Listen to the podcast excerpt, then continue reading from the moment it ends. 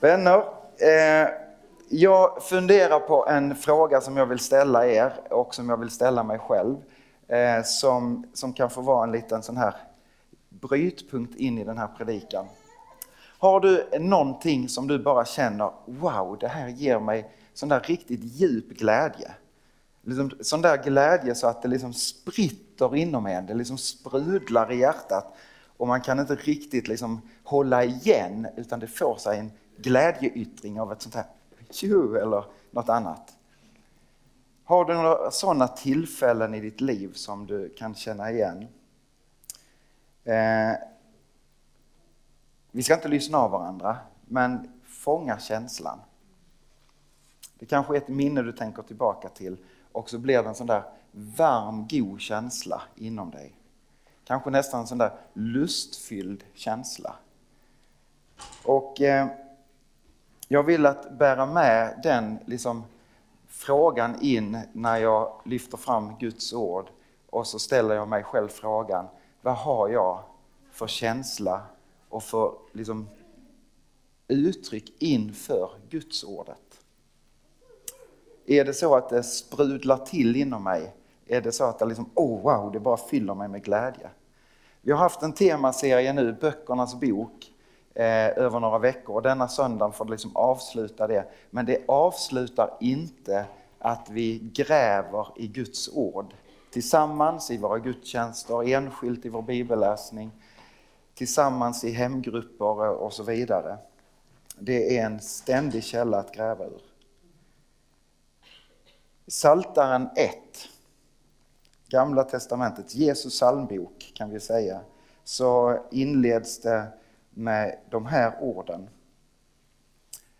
Lycklig den som inte följer de gudlösa, inte går i syndares väg eller sitter bland hädare, utan har sin lust i Herrens lag och läser den dag och natt. Lycklig är den människa som har sin lust i Guds ordet, i Guds tilltal varje dag och liksom får umgås med Guds ordet varje dag. Där är en gammal judisk god tradition när rabbinerna ska börja undervisa barnen i Guds ordet.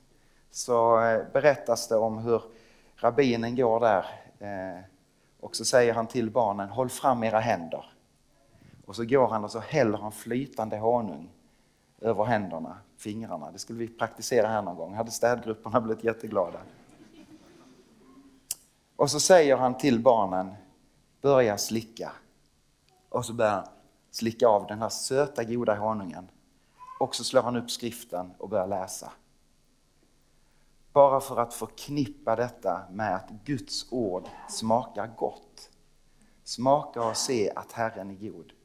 Det är som, ah, pedagogiskt knep som, som sätter sig någonstans hos barnen förhoppningsvis. Att Guds ord, det är gott att umgås med. Så ta dig en Dumlekola och läs i, i ordet. En bra kombination. Att påminna mig om att det här är smakfullt, det är gott på alla sätt. Idag så tänker jag att vi ska få läsa ett stycke ifrån Lukas evangeliet. Lukas som grundligt undersökte och intervjuade människor som hade vandrat med Jesus, som hade levt nära Jesus. Och så skrev han då breven i Lukas evangeliet och Apostlagärningarna och gav en tydlig redogörelse för vad som hände med och kring den här personen, Jesus Kristus. Och i slutet av sitt evangelium så, så eh, berättar han om hur två personer som är på väg från Jerusalem förtvivlade över att Jesus har dött på korset. Och liksom det hoppet som de hade byggt upp, så liksom att Åh, nu är det, kan det må hända vara Messias, Guds liksom plan för världens räddning som vi får se. Och så går han och dör på ett kors. Och så går de lite molukkerna tillbaka till sitt, till sitt hem i Emmaus och, och någonstans har de ändå fått höra vittnesbördet från kvinnorna som hade varit vid graven och sa att graven är tom. Han är inte där längre, han har uppstått. Men någonstans så kunde de inte ta det till sig. Och så plötsligt när de går där på den här vägen hemåt så eh, är det en person som dyker upp och börjar slå följe med dem. Jesus själv. Och han ställer frågan, varför ser ni så sorgsna ut? Varför har ni inte glädje i livet liksom? Ja, har du inte hört? Är du den enda som har varit i Jerusalem och missat detta? Att Jesus han dog på ett kors. Och så kommer vi till den här strafen. I vers 27. Och med början hos Mose och alla profeterna förklarade han för dem vad som står om honom överallt i skrifterna. Och så slår Jesus följe med de här personerna och, och samtalar. Och liksom den predikan skulle man ju verkligen vilja ha i sin helhet. Tänk att få vandra med där Jesus han öppnar skrifterna för dem. Han talar om att, precis som vi har sagt igenom den här temaserien, där finns en kärna och en stjärna genom hela bibelmaterialet. Och det är Jesus Kristus. Och så talar han till dem och så blir han inbjuden i, i deras hem och, eh, och får möjlighet att dela måltiden tillsammans med dem. Och så när han bryter brödet där i måltiden så plötsligt försvinner Jesus. Och så kommer det den här reflektionen hos dem. Ska vi se så jag hittar rätt. I vers 32. Versen innan, när, när han bröt brödet, då öppnades deras ögon och de kände igen honom, men han försvann ur deras åsyn. Och så säger de så här. Och de sa till varandra, brann inte våra hjärtan när han talade till oss på vägen och utlade skrifterna för oss? Brann inte våra hjärtan? När de fick höra ordet, Guds eget ord, och, och liksom fick liksom förklarat skrifterna för sig, brann inte våra hjärtan? Och så fick de samma iver som Gustav hade i dopet här, att ge sig ut på något sätt. De rusade tillbaka till Jerusalem och ville dela det glada budskapet med dem där. Vi har också fått möta honom. Han är uppstånden. Han är inte längre död. Och så händer något, något märkligt, eller inte så jättemärkligt, men, men när de kommer tillbaka till, eh, till, eh, till Jerusalem och, och möter de andra lärjungarna där och vännerna kring Jesus, så plötsligt dyker Jesus upp igen. Jesus gör ju det flera gånger för flera olika människor fram tills dess att han gör sin himmelsfärd. Och detta är ett av de tillfällena. Och så säger Jesus så här.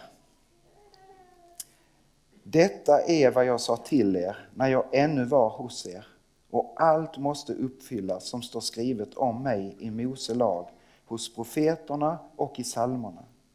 Sen öppnade han deras sinnen så att de kunde förstå skrifterna och han sa till dem, detta är alltså vad skriften säger.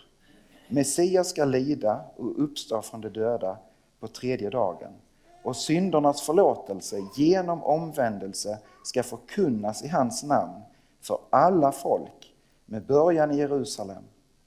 Ni ska vittna om allt detta. Och jag ska sända er vad min fader har lovat, men ni ska stanna här i staden tills ni har blivit rustade med kraft från höjden. Det är väldigt, väldigt märkligt tycker jag. Läser vi lite innan när Jesus dyker upp i det här ögonblicket i Jerusalem så står det att de ändå tvivlade. Jesus han säger, varför tvivlar ni?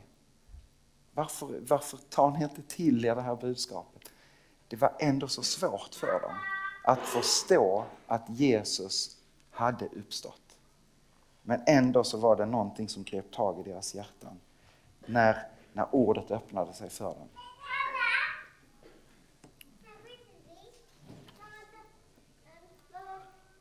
I Bibeln så får vi ta del av det absolut viktigaste budskapet som finns. Pappa kom nu, det är härligt. Det här är fullt av predikan kring barnen. Kom nu, var är du pappa? Kom, ta mig i handen så, så ber vi oss ut och har roligt tillsammans. Eh, Bibeln som bär det viktigaste budskapet som finns att dela på den här jorden och som i sin helhet talar om en Gud som vill relation med dig, med mig och med varje människa. Och det är angeläget för varje människa i alla tider.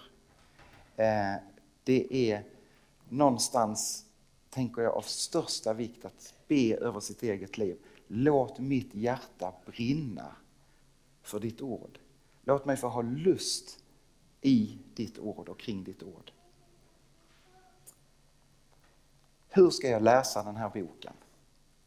Hur ska jag ta den till mig? Vi vet Petrus, han, jag vet inte om vi har nämnt det någon gång här, men Petrus själv skri, säger ju om Paulus att ja, Paulus han skriver om allt det här överallt i alla sina skrifter och somligt är mycket svårt att förstå. Så till och med Petrus hade svårt ibland att tolka Paulus. Men ändå så kommer uppmuntran. Läs i Guds ord, umgås med det varje dag. Och någonstans så är det bara, tror jag ibland, en inställning till ordet eh, och ta det till sig. Jag kan inte låta bli att koppla det till lite konfirmandundervisning. Eh, hur man kan läsa ordet på olika sätt. Jag ska göra det utifrån tre stycken instrument. Man har ju önskat att man nu hade de här instrumenten här. Men eh, ni känner kanske till dem. Om man ska titta på stjärnhimlen och se liksom det där stora perspektivet långt bort så använder man ett teleskop. Och så kan man också läsa Gudsordet med teleskopperspektivet. Att få någonstans, liksom, vad handlar Bibeln om i sin helhet? Någonstans har den här temaserien varit ett försök att få sätta teleskopperspektivet, att gå igenom från början till slut. Och Bibeln liksom på något sätt börjar i skapelsen och slutar med, med upprättelsen i det, fullständigt i himlen. Och så är det som en, en bro eller en brygga över tidens början och tidens slut. Och som den stora bropelaren som håller upp allt detta står Jesus själv. Och, och någonstans så kan vi liksom läsa om Israels historia, det judiska folket som blir löftesbärare om räddningen för hela världen. Och vi, och vi kan läsa om frälsningshistorien och förstå den i sin helhet genom hela Bibelns berättelse. Och där finns ett värde att ibland bara få blicka över helheten och någonstans ana Guds tilltal där. Men så kan du också ta fram din bibel och läsa det med mikroskopet. Det som ska se det där lilla. Läsa några verser eller kanske bara en mening eller bara ett ord. Vad betyder det här ordet? Oh, och så suger man och man kan läsa kommentarer kring kring liksom, jag skrattar ibland åt, åt Loe, min, min gamla lärare på Johannelund, som sa att ja, men jag, har, jag är, älskar Gamla Testamentet och speciellt den här boken och speciellt den här versen och absolut speciellt det här ordet. Och sen nästan mest den här bokstaven, nej inte så men, men bara fascineras över Guds tilltalet också, kanske i det lilla. Och det, det är det perspektivet, eller båda de här perspektiven, viktigt att slå fast att Guds ord är ett levande ord. Hebreerbrevet 4 och 12 säger Ty Guds ord är levande och verksamt. Det är skarpare än något tveeggat svärd och tränger så djupt att det skiljer själ och ande, led och märg, blottlägger hjärtats uppsåt och tankar. Ingenting kan döljas för honom. Allt skapat ligger naket och blottat för hans öga. När jag läser det ordet så tänker jag att ja, men jag, jag tror det. Även om jag inte känner det. Kanske ibland när man bara känner att livet är bara tungt och trist och var är Gud och bryr han sig om mig? Och så. Ta upp och läs ord från skriften. Och så säger jag fattar inte detta. Nej, strunt i det. För det verkar ändå. Så tänker jag ibland.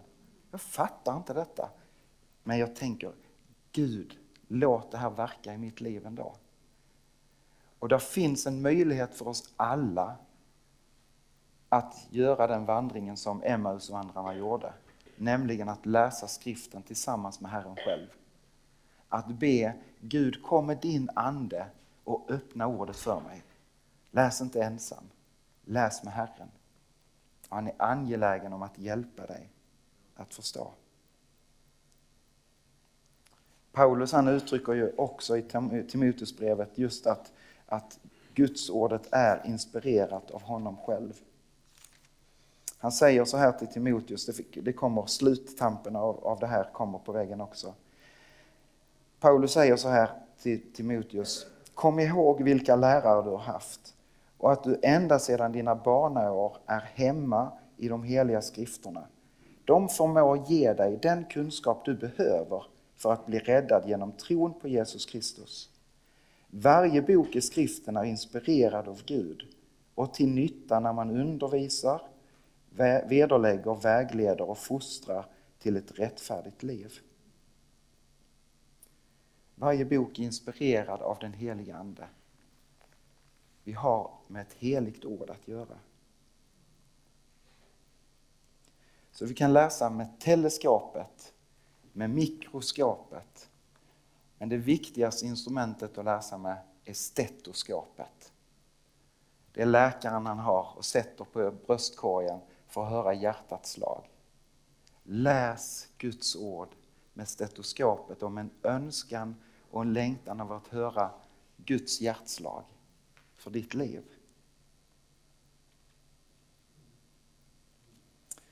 Jag är jätteglad att jag levde på den tiden när man fortfarande skickade brev. Jag har kanske säkert visat den här många gånger. Men det här är en kär hög för mig. Kärleksbreven från min hustru innan vi gifte oss. Eh, några som skickades till förläggningen där jag gjorde min militärtjänstgöring, flera stycken hem till mitt barndomshem eh, och så vidare. Är det någon som har erfarenhet av fått ett kärleksbrev någon gång? Lite så smig. Hur läser man ett kärleksbrev? Man läser det många gånger om och om igen. Det är inte så att man bara slår åh oh, ja, jag älskar dig, ja det var ju bra, det var ju härlig fakta och så lägger man det till Utan man, wow, är det här sant? Hon tycker om mig. Liksom, de, de här breven är nötta. Jag har läst dem om och om igen. Och det är fortfarande gott att ta upp dem och hålla dem i handen. De luktar inte längre dock. En gång till mina befäls stora glädje så luktade de. 625 Lennartsson, nu kom det ett brev igen och så gav de det. Den tog jag gärna. Är min bibel också nött? Kärleksbrevet från himlen, från Gud själv, som är givet oss. Frågan är bara, är du romantisk nog att läsa det? Och ta till det som ett kärleksbrev. Och höra Guds hjärtslag. Jag älskar dig. Gud är kärleken. Han älskar oss före vi älskar honom. Och någonstans så, så är det att liksom hugga tag i Guds löftena i bibelordet. Få stryka under dem, umgås med dem, glädjas över dem. Vi har löftesorden i dopbefallningen som vi blir påminda om idag. Jag är med er alla dagar till tidens slut. Jag har all makt i himlen och på jorden. Jag har kommit för att rädda dig in i evigheten väcker det lust i mitt, i mitt liv. Påminner jag mig om detta om och om igen. Detta är min gamla konfirmandbibel. Av de biblar som står i min, min bokhylla så är detta den som är mig kärast.